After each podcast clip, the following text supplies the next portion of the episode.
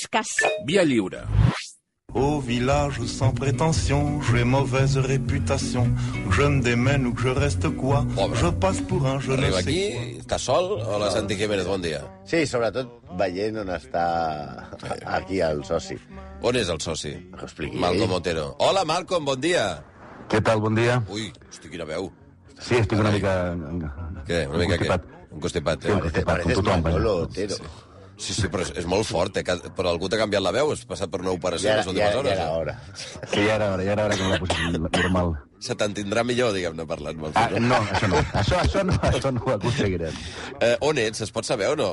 Soc a un castell, Eh? a un castell, perquè avui fèiem un conde duque i jo necessitava una mica eh, posar-me en situació. I estic a un castell que té fossat, té un gaifer eh, dissecat, quadros, tal... Soc un castell de veritat. Hi ha masmorra.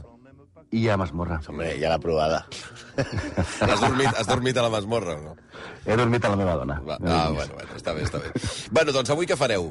Mira, avui avui anem a... Perquè hem aconseguit alliberar la sala d'espera aquesta que teníem. Sí. De, que teníem que jo... Bueno, però se'ns van omplint, eh, també. Sí, bueno, ah, mira... El, I ahir hi havia algú que ja deia que sí... Paco Rabanne, sí, però... Però jo no en tinc ni idea. No, jo, jo tampoc. No, sí, que, tenim, que, tenim, que tenim un arxiu de tots. Què dius, eh, Malcolm? Que quines bones pel·lícules, Paco Rabanne, Milana Bonita... Ets molt Los tonto, Santos eh? Inocentes. Va. Jo vaig fer ahir el mateix acudit. És que, de veritat, és que esteu connectats. de- És que esteu connectats. S'ha vosaltres. Paco Rabanne. Diu, hòstia, com un actor que era. Va, vinga, va.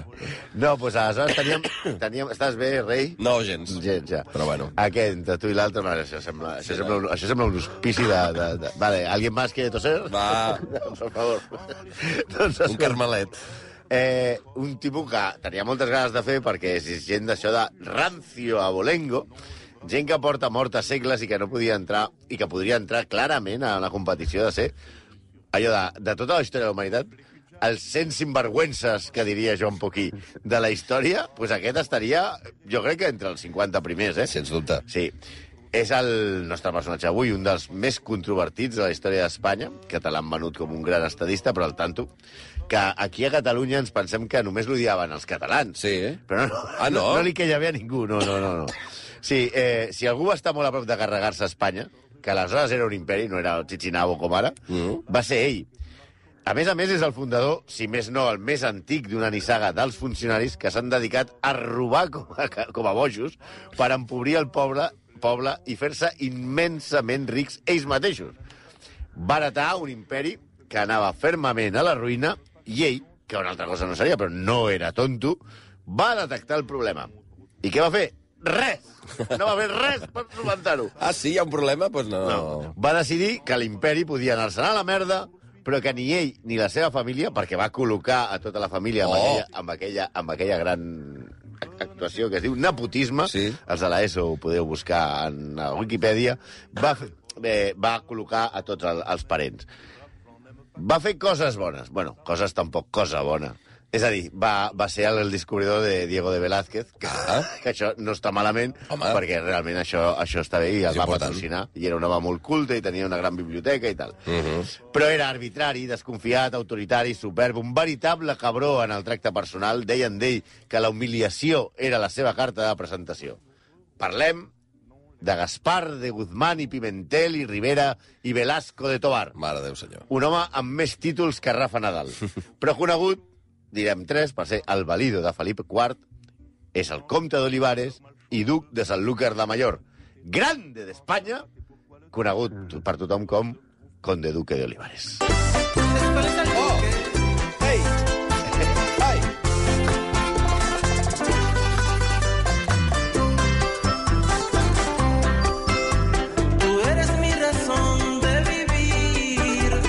Aquest és el duque de la bachata, i té tot el Ah, això és el duque de la bachata, eh?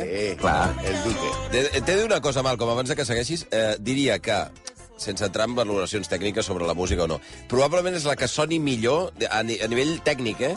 eh de les que he sentit en anys. Home. Perquè normalment graveu de, no sé si ets al lavabo, o, però, però aquesta sona bé, almenys. Mira, mira, de qualitat, dic, Home, eh? li pots preguntar demà a l'Òscar Nin. Sí. El duque de la Bachata era conegut per tenir els millors enginyers de so de la història. Sí o no? Jo què sé. No sé per què m'ho crec res del que em diu el Santi, de veritat. Han passat anys i continuo així. Caient com, com un vedell, de veritat. pardell, de Oi, veritat. oi, oi. Pardillo, però. Un pardillo total. Tornem amb el nostre Oli. Oli? Sí. Oli Olivares. Olivares. Perquè eh, Duque, Duque li va costar ser, eh? però diguem-ne que la casta li, li, li viene al conde. Com va arribar a compte? Doncs de la manera habitual. Pues com, es, com es fa? Sent net i Ah, fill de comptes. claro. El seu avi el van fer compte per aplastar les revolucions comuneres i el seu pare el van fer ambaixador a Roma, on va néixer el nen, que com era el tercer de la família, estava destinat a la carrera eclesiàstica.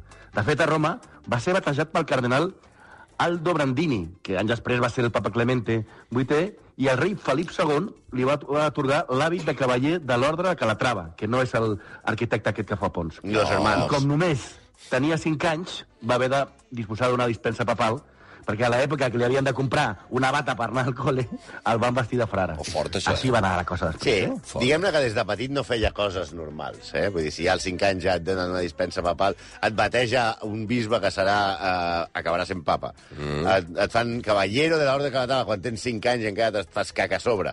I, i això, ja després, eh, de tornar d'Espanya, com hem dit, era el tercer, el tercer fill d'una d'una família noble. El primer fill heretava els títols del pare, mm -hmm. el segon es dedicava a la carrera militar, el tercer passava a fer d'eclesiàstic. Correcte. Per tant, l'envien a estudiar dret canònic a la Universitat de Salamanca. I ell va, disposat a, a tot, molt humilment, Sí? amb 19 criats. Hosti. Sí, es presenta allò... Entra a la universitat amb 19 tios al sí. darrere? Sí, sí, sí. fortíssim. Suposo que li havien passat els apunts a net o, o, alguna, o alguna cosa... Ell al bar, Sí, ja ell, ell, ell al bar i els altres 19 fent totes les assignatures, imagino, no?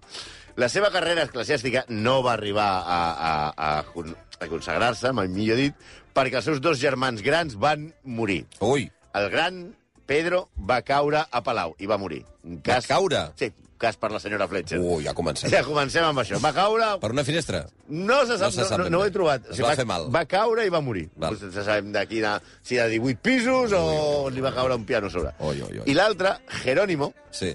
Va agafar unes febres mentre anava de camí a Sevilla i va morir a Oropesa, ciutat de defunciones. Va, home. Ai, per Va, favor. va penjar els hàbits i va tornar a Madrid per trepar a la cort. I va començar a festejar a la seva cosina, Inés de Zúñiga. I no s'hi va posar per poc. Va gastar-se 300.000 ducats al festeig. Que és una pasta és que- al·lucinant, eh? 300.000 ducats. Sí, sí. Però és que la Inés era una nena de molt bona família.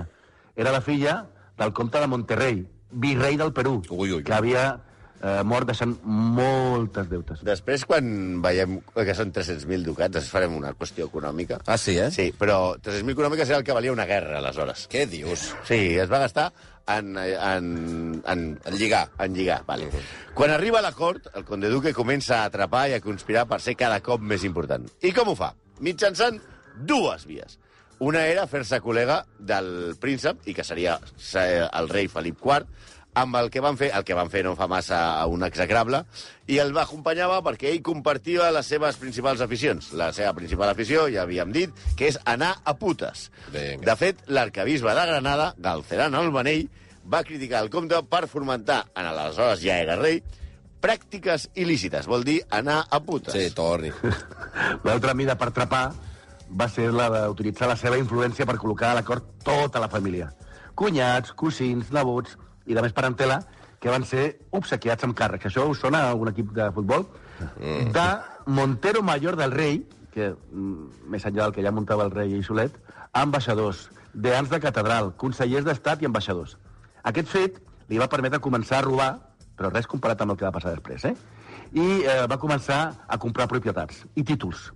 Amb 100.000 ducats va comprar Però el aquest senyorio de deixant Sant anar Lucas centenars... Perdona, va, va deixant anar centenars de milers de ducats amb, aquest amb una tio facilitat. probablement podria haver estat una de les persones més riques, després ho farem, més riques de la història que hi ha hagut. Tot Però gastava, eh? No era d'aquests no era d'aquests rics que no gastaven, ja veieu. Es va treure de la butxaca aquests 100.000 ducats per fer què? Va, va comprar el senyorio de Sant Lucas la Mayor i el rei el va fer primer duc de Sant Lucas, Ah, que arte tienes. Ja era grande d'Espanya i conde duque. Mhm. També començava a caure malament a tothom. En aquella època ja és lliure pels pèls del seu primer atemptat. Era avui què us passa? Que esteu així, entre la bachata... eh, La... Bachata, corrido... Sí, els corridos Sí. i tot. A veure, Has la- dit el primer atemptat, eh? el primer atemptat. Com si... Vull, vull No, hi haurà el més. Hi haurà el Advertint més. que no és Sí, l'únic. però mai sortien bé. Mira per on. Vaja. La situació... Això ja tenen també els exalcadors. Els intenten matar diverses vegades No, i mai no acaben se'n amb ell. A veure, Llavors, la- cosa més tonta a- i... el tenim amb ell, que és un tipus que gasta molts diners, 300.000 Sí. ducats per, per, per, per, per fer el festeig amb, Sí, la sí. seva, amb, amb la seva dona, la seva cosina, uh, 100.000 per comprar-se propietats, que són moltíssimes, i la situació a Espanya, diguem-ne, no era molt bona. L'Espanya on manava el conde Duque i la seva família, perquè el rei ja hem dit que només estava interessat en Cardà, mm. -hmm. era calamitosa financerament, però molt dolenta. L'imperi espanyol no sostenia per enlloc i està a punt de fer un pet financer tremendo. Comparat amb Espanya, el Barça de Bartomeu és la corporació més sòlida del món. El deute de l'Estat d'aleshores era de 116 milions de ducats. Les despeses superaven en el doble els ingressos. Hosti, què no dius? sé si això als culers us sona una mica. Mort. A veure, de fet, avui veurem moltes coses que us sonaran del temps actual i veurem que no hem millorat gens des del Ja. 1623. En una carta, el conde duque d'Olivares li diu al rei que mentre s'aixugava la pirula, deia els seus dominis estan en el pitjor estat que mai ha viscut Espanya. Això li diu ell, eh? El Eh, amb una carta. rei. Li diu, "Es co- la cosa està molt malita. Però... Bueno, I aleshores, davant d'això, se li acudeixen, perquè després ho empitjorarà, dues solucions. a veure. Sí. La primera era acabar amb la treva de Flandes, que portava 11 anys, i volia reprendre la, la guerra. La guerra era caríssima. Ah, això és el que t'anava a dir. Pues car fer una guerra, home. Sí, però la idea a la cort era que una monarquia tan gran com l'espanyola necessitava conflictes. I posar-se a fer la guerra millor a Flandes, perquè si no, això la cita és textual, el pueblo terminaría por afeminarse. Eh? O una buena, una buena guerra en Flandes o se perderá todo. El rei va entendre una buena guarra en Flandes. Prou! Home, per favor. Per tal de que el poble no s'afaminés i es poguessin pagar aquests 300.000 ducats que costaven a la guerra en Flandes, es van prendre una sèrie de mesures per tal de que la gent, la gent al poble, pagués la festa. Ah, perquè no volia pagar ell, no? No, no, no, no, no, no. Estàs de conya, no, no? volia només pagar ducats, però la, per la guerra no. Val. No volien distraccions. Es va fomentar el creixement demogràfic en excepcions fiscals pels acabats de casar. I els que tinguessin al tanto, al tanto, eh? Sis o més fills mm, barons, les dones no anaven a la guerra, Ah, ah pensava que sis, sis o més fills... No, no, barons. És a dir, és a dir, el carnet de família nombrosa només te'l donaven Si eren tios. i sis. I sis. Mínim sis nens. Sis nens. Podies tenir 14 nenes i dos nens i no, I no tenies eres família nombrosa. Però, a més, es penalitzava qui als 25 anys no estigués casat. Oh! Brutal, eh? Diguem-ne que no, no era l'escenari ideal per Centennial. No, no, no. Autodefensa no s'hagués pogut fer en aquell Perdona, moment. hi ha algunes, hi ha algunes d'aquestes normes que, segons com, eh, serien aplicables, no tant lo de casat, com, per exemple, marxar de casa, que és una cosa que no, Sí, sí. als 25 Ah, potser sí. ja podríem Sí, pactar. home, que... marxaven de casa per anar a la guerra. Ah, això sí. Als 15 anys els enviaven a Flandes a la Sí, sí. guerra.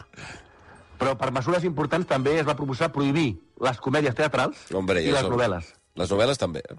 Sí, Tirso de Molina, Tirso de Molina, com diu Sabina, va ser obligat a deixar Madrid i Quevedo va ser arrestat, Hosti. no el de Bizarrap, eh? Era un gest de, de cinisme sense precedents. El conde duque d'Olivares va convèncer el rei perquè prohibís els bordells. No! Sí, perquè probablement ja, ja els havia conegut tots. Sí. Ara ja- eh, ja veniu a casa. A veure, eh, tenim clar que era època d'estranyir-se el cinturó, els espanyols, sortia el rei, deia el missatge de Nadal, que la cosa anava molt malament, perquè s'havia d'anar a una guerra. I què penseu que va fer el Getas del conde Duque? Va donar exemple? Doncs sí, un exemple collonut que han seguit des d'aleshores els golfos més grans del món i de la història. Quan tot se'n va a la merda, Eh? fes-te ric. Immensament ric. S'ha de dir que ningú l'ha igualat fins ara, on li han arribat a igualar. A veure, mira, us ho explicaré. En aquella època, el sou del conde Duque, com a, com a, com a valido, com a principal figura, era de 2.000 ducats anuals. Anuals! Anual. 2.000 ducats anuals. Però si se'n gastava 100.000 i 200.000... Per... Espera, espera. Un Per ducat eren 11 reials de plata. 11 reials de plata, vale. Un reial de plata tindria un valor actual de 1,54 euros. Per tant, anualment, si ho féssim la projecció, Sí. cobraria 127.000 euros anuals, que és una pasta, Sí, sí, sí, sí. Però tampoc seria un, un, un, escàndol. Un escàndol. Però és que anem a veure el cost de la vida que hi havia. Aquella època, una dotzena d'ous costava, al canvi actual, dos cèntims d'euro. Ara he vist al Carrefour que està en oferta una dotzena d'os per 3 euros i mig. Ole. És a dir, que amb aquests diners podia ser bastantes més coses. Correcte. Un altre exemple, l'àtic més car d'Espanya, aquest que s'ha venut ara als 5 Sí, dòlars, eh? sí, sí. En aquella època valdria la fortuna 7.500 euros. Ah. Per tant, és a dir, que els 127.000 euros anuals que cobrava al segle XVII, que ja són 30.000 més que els que cobra Pedro Sánchez, que cobra 90.000, serien aproximadament, a dia d'avui, 2,2 milions d'euros. Sí, Aquests dos- idea, eh? Només de sou, eh? De, o sigui, aquests 2.000 ducats anuals, al canvi actual amb inflació i tot això, uns 2,2 milions d'euros. 2,2 milions d'euros. Bravo. Sense comptar després el que robava per altres bandes. Això era, Sí, això era, no, això era que declaraven nòmina. Clar, clar, clar, clar. Sí, segons, sí, ja sabeu que segons un informe de l'autoritat bancària europea, el número de banquers que cobren a Espanya un sou de més d'un milió, l'any 2021, era de mm, 221 persones. Mm. Persones, per dir-ho d'alguna manera. Sí. Olivares ja cobrava el, do, el doble al 1623. Fa 400 anys, doncs, home, perdona, estàs donant arguments per augmentar els sous dels banquers, perquè, Home, clar, tant, si, tu, si ja ho cobrava Olivares fa 400 anys, què menys? Home, inflació i tot, haurien de Ara. comprar molt més. Ara. Els historiadors, des de Gregorio Marañón a Elliot, ja sabeu, el mentor de Cayetana, mm. eh, coincideixen en assenyalar a Gaspar de Guzmán, Oli, com el mascaró de proa de la més absoluta de les indecències, que acumulava una fortuna tan fabulosa que ell mateix hagués pogut rescatar la monarquia de la seva ruïna amb el seu pecuni, però que va optar, va optar per altres mesures que van empobrir encara més Espanya. Tan cosita. Aquest va tenir dues idees de Montbé que no se podia saber, van sortir malament.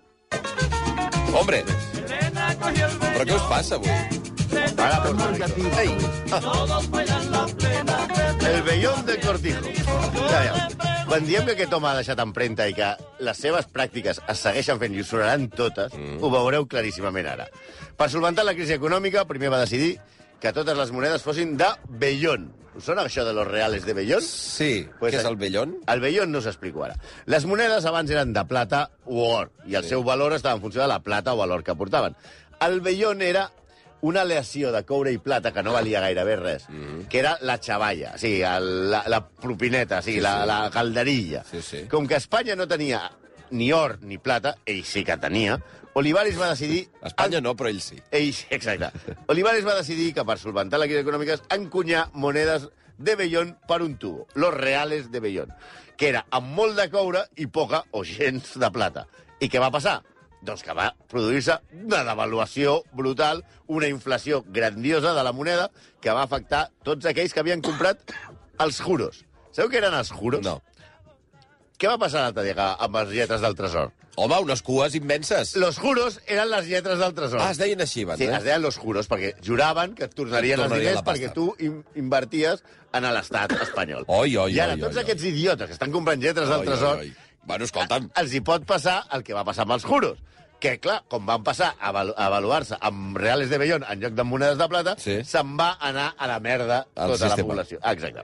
A més, per si faltés alguna cosa, Castella, clar, necessitava coure. I es va convertir en el major importador mundial de coure. Hosti, hosti. I què va passar amb el coure? Que es va posar el preu pels núvols. És a dir, què necessitem? Eh, el liti per les bateries dels cotxes i no sé què i tal? pues això va Disparat. passar amb el coure. És a dir, el 1627, Felip IV no té més remei que declarar la fallida de l'imperi. Oh. Sí, senyor. Concurs de creïdors en tota regla. No sé si el tema aquest econòmic sembla que no hem avançat gai- gaire en 400 anys. Sí, però si el Oli era una, una mena de criptobro del seu moment, arriba la segona part de la solució, que també, jo crec que també us sonarà, eh? Sobretot els culers. Quan estàs a la ruïna, has d'anar a buscar algú que et deixi diners, un fons d'inversió. Al- Aleshores hi havia dos que partien la pana. Eren els BlackRock i els Goldman Sachs d'aquella època, Sí. que eren els banquers jueus portuguesos i els banquers eh, genovesos. Sí. Aquests cobraven massa, massa interès i el conde Duque va deixar Espanya en mans dels jueus portuguesos que van finançar la monarquia espanyola. Ara ja comenceu a entendre per què Portugal sí és independent i Catalunya no. Eh? Ja, ja, ja, ja. ja. Però espera, espera, espera, que encara no sonarà una cosa més. Hem parlat de devaluació de la moneda, de comprar lletres del tresor, d'acudir a fons d'inversió. I amnistia fiscal? També tenim una amnistia fiscal. Sí o no? Sí, senyor. El problema, clar, ells diu, els banquers genovesos ens deixen diners, però amb molt, Molt cars. molt cars. Mhm. Els portuguesos ens deixen diners més baratos, però són jueus. i que havia fet Espanya amb una gran idea 135 anys abans. Fer fora els jueus. fora. No, no fer-ho fora. I si no se'n anaven, torturar-los, Sí, sí. eh, matar-los, la Inquisició i tot. Per tant, Olivares va anar a parlar amb la Santa Inquisició i els va dir... A veure, tenim, tenim un petit problema. Tenim un petit problema. No tenim un duro, l'imperi se'n va a la merda i es poden salvar els portuguesos. Ah, bueno, que vinguin, que vinguin. És que són jueus. Ah! Diu, bueno, aleshores van inventar-se entre Olivares i la Inquisició una sí. amnistia fiscal religiosa. Ah. Va dir, i va agafar els, els banquers jueus portuguesos i els hi va dir teniu tres mesos per regularitzar la vostra situació. Religiosa. Sí, us confesseu i ja està. I ja no us torturarem més, però deixem-nos els diners, si us plau. I van deixar la pasta al rei. Els hi fan l'examen. Sí, la- la- bé. La veritat és que la monarquia s'havia salvat, el conde duque, Oli, seguia acumulant riquesa, els banquers portuguesos es feien d'or, però i el poble? Hombre, El poble que li doni pel cul. sí, home, el poble pues, passava molta gana, exactament, i estava molt empipat. I la gent d'abans, quan es cabrejaven, no feien manifestacions agafant-se les mans, i sense paper a terra, I càntics, no? de somriures, no. Era una mica, com diguem-ne, diguem més directe. Pancartes. No, no, no. No, no, no, no, no. no. Anem, a, anem a protestar allò davant d'una... No sé què, no. una performance. No, no, no. Lligaré a no- a un arbre, no, no, no. Batucades i, i tots amb la mateixa samarreta. Això, al segle XVII, no es feia No es així. portava així. No es No, feia per, per, per, perquè us feu una idea, a Bilbao la gent assalta la casa de l'alcalde i el mata a ganivetades. Hosti, què dius? El procurador de l'audiència eh, de, Guipús, de Guipúscoa es revela. A Tarifa la gent del poble assassina el funcionari encarregat de recaptar els impostos. Què És dius? que això és com anar a l'Etamendi i cremar les oficines. Sí, però anar, anar assassinant personal, eh? Bueno. Exacte. A Però sense un Castella, la paper veritat, terra, eh? Sí, sí, no, els papers no caien. Ara, la, re- els colls... Ni un paper. No, No, és- una mica de sang, una miqueta, eh? A Castella la pobresa és immensa i, i l'Estat, tot i els préstecs, no té diners per mantenir tants fronts oberts. Flandes, Amèrica, o s'ha perdut Brasil amb mans holandeses i França. I aleshores arribarà un altre concepte que us sonarà. Arriba la taula de diàleg Ai, ai, ai, entre ai, la ai, ai. monarquia espanyola i Catalunya. Ai, ai, ai, ai. A veure, per finançar les 14.608 guerres que té Castella per tot el món, li demanen a Catalunya que poquini. Ja hi som. Ja hi som, que pagui, que pagui Pujol. Li demanen que porti 16.000 soldats. Les Corts catalanes diuen que un bé negre amb potes roses i es produeixen violents altercats a Barcelona. El rei i el conde duque venen a Barcelona a negociar. Anem a parlar, no? Taula de diàleg. Taula de diàleg. La- la- esta guerra, esta guerra que nos hemos dado entre todos, Sí, tot. tiene que pagarse. Diuen, vale, no ens dongueu soldats catalans, però demanen a canvi 250.000 lliures barceloneses, que era una altra mesura de, de, de juntar diners, durant 15 anys, per sufragar Catalunya a l'estat espanyol.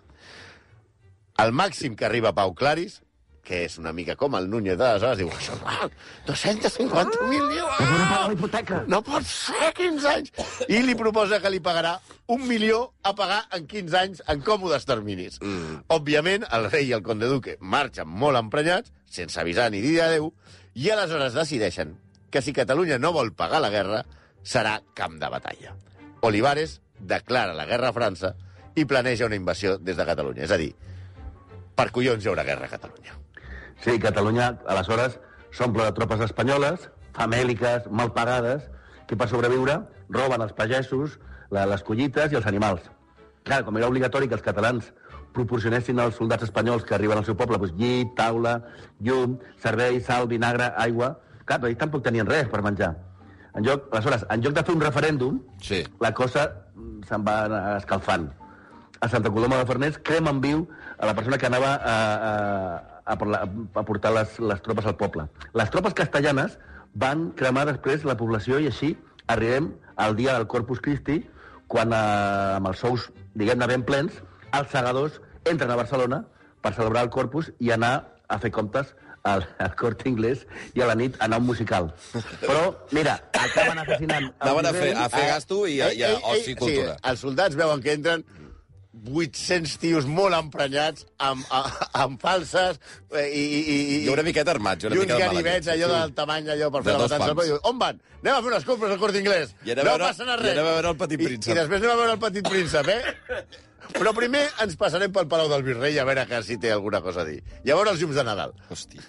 Sí, clar, maten el virrei, que era el comte de Santa Coloma, i ja estava liada grossa. La situació no va passar, òbviament, desapercebuda per un personatge capdalt en aquesta història que es va presentar als catalans com la solució a tots els seus problemes.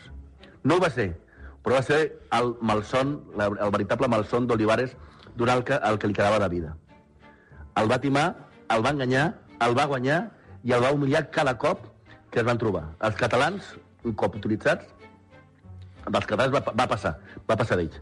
Parlem de la gran nèmesi d'Olivares, d'Oli. El seu Messi particular, el cardenal Richelieu. Oh! Hombre! Hombre, A veure, la literatura i el cinema han Els convertit... dibuixos Rigodon, diria. Es No, deia. Rigodon era... No, Rigodon, Rigodon no, és el de, era? és el de Willy Fogg. Ah, no, calla. I qui era el Richelieu de... Richelieu sortia... Era, era, Del D'Artagnan. No sortia mai... Estava Es deia Richelieu, no li deien Richelieu. No li deien home, Richelieu. Li Era, era, era, era un personatge que anava sempre amb una carrossa Sí. i anava com tapat, vestit de cardenal, Sí, i no sortia sí. gairebé mai, que era com un llop, una guineu, així com... Sí, sí. Una pinta molt dolenta. També Alexandre Dumas, els Tres Mosqueters, el pinta com un malvat de la Marvel, quan en realitat estem parlant d'un dels genis polítics més grans que ha donat la humanitat. Sí que li deien Richelieu, també. Veus? Sí, sí, sí, Imagina't, sí. pobre, Richelieu, pobre, sí, pobre cardenal. Oi, oi, oi. Richelieu era... En aquesta idea que tenim tots de creure'ns les pel·lícules i això de The Mm. Crown i tot això, el tenim com si fos un malvat. Sí, molt. Richelieu era Valentíssim. un puto geni. Sí o no? Mira, i a més a més li va donar molt mala vida a O Olivares. sigui, ara estem fent l'execrable invers, eh, una mica? No, no, però, però Ara li estem donant però la, la il·lustrabilitat a un l'an- execrable. L'antiexecrable és Richelieu. Ara, ara. Primer, Richelieu s'alia amb els catalans i els derrota a la guerra que el conde Duque havia planificat per castigar Catalunya. Mm. Després li aixeca el seu pla per aliar-se amb Anglaterra, que, eh, casant la infanta Ma Mariana d'Espanya amb el príncep de Gales. Això era una cosa que Richelieu no podia permetre, perquè era una pinça entre França, entre Anglaterra i Espanya. I, el, i Richelieu truca al duc de, al duc de Buckingham i el Carles I d'Anglaterra es casa amb la germana de Lluís XIII. Ja anem 0-2. 0-1, la guerra a Catalunya, 0-2, mm. la boda que tenia prevista Olivares per aliar-se. Vale. I espera, Richelieu li proposa a Olivares una aliança franco-espanyola. Vamos, Oli, que no passa nada, que ja no passa nada. Oli se la creu. I què es troba? Un pacte entre Richelieu i els holandesos que li costa a Brasil, després de que els holandesos, a més, capturessin la flota espanyola que portava un milió de ducats de plata. 0-3 per Richelieu. Olivares, desconcertat, destitueix l'entrenador, el Ai. capital Benavides Bazán, responsable de la flota de l'or, que és executat. Abans els entrenadors els destituïa així. Sí, eh? Vostè no cal que torni a la feina, li tallem el No, coll. no, no. no. per, per, per recuperar les places de Brasil, Olivares demana ajuda als portuguesos, proposant com a virreina a Margarita de Savoia. Els portuguesos, la veritat, dubten. No poden aportar més que 8 galeons per ajudar a Espanya. Cap problema. No aniran a la guerra perquè arriben amb una aliança formal amb Richelieu, que aconsegueix que els seus aliats holandesos armin a l'exèrcit portuguès per si Espanya decidia enviar eh, tropes a Portugal. Però no ho fan, perquè Espanya ja està prou ocupada a la guerra de Catalunya i, i, no, i no ho fan. Contra Richelieu, per cert, 0-4. Hòstia, Desesperat, Olivares ordeix un complot amb els nobles francesos per enderrocar Richelieu. Devia con mm, contactar amb els mosqueperros, eh? perquè estaven allà com és dogos i tal. Òbviament, el 28 de febrer de 1642, Richelieu descobreix el complot i es carrega els responsables. 0-5 pel cardenal, eh? Hosti, Sí. Richelieu mor al desembre, però deixa un successor quasi a la seva alçada, que és el cardenal Mazarino. Un mes després, Olivares accepta una pau amb França que, segons les seves pròpies paraules, era d'una indignitat expressa. 0-6 per Richelieu, que marca l'últim gol després de mort. França, sense imperi colonial, acabava de canviar el curs de la història apaïsant Espanya. Com resumeix l'historiador anglès Geoffrey Parker, el conflicte de gegants va demostrar de manera irrefutable que, després de tot, Déu, com es creien uns, no era espanyol. Déu era francès. Sí, després del 0-6, de perdre a Itàlia, Portugal, les passes de Brasil, Flandes, les guerres a Catalunya, a Olivares ja no, ja no el salvava ni, ni, ni Batman. Al juliol del 1642, a Molina d'Aragón, se'l rep eh, disparant salves en el seu honor, però una bala no era de salva, Ui. això com el, com el rodatge del Baldwin, Sí. i va directe al seu carruatge. Ell se salva, Un altre però cop. dos dels seus acompanyants. Hosti, noi. Antonio Carnero i un nan eh, anomenat El Primo, que era l'encarregat de ventar-lo. Hosti, boníssim, una, això. una, una, una, pobre, pobre Una primo. imatge molt maca, eh? Però aquest es va morir. El de nan. En, en el tir... El nan, el- sí, sí, sí. sí. Oh, sí és, imagina't, maten el nan, que és el que estava ventant-lo, Ventant-lo, però amb ell no el toca i amb ell no el toca la Per favor. El soldat que va disparar a la salva va ser arrestat i torturat, però va morir amb el procés, És el que té quan tortures a la gent, que se't pot clar, morir. i mai Ara va saber si era un accident o, o era un atemptat. El rei perd la confiança en el seu antic company de juergues i putes i el deixa caure en desgràcia. El desterra a Loeches, on s'havia construït un palau immens, que encara es pot visitar, i després ell es traslada a Toro, on mor, fet que impedeix que es dugui a terme contra ell un procés que havia obert la Santa Inquisició per la qüestió dels jueus. Les seves últimes paraules van ser «Cuando yo era rector, cuando yo era rector».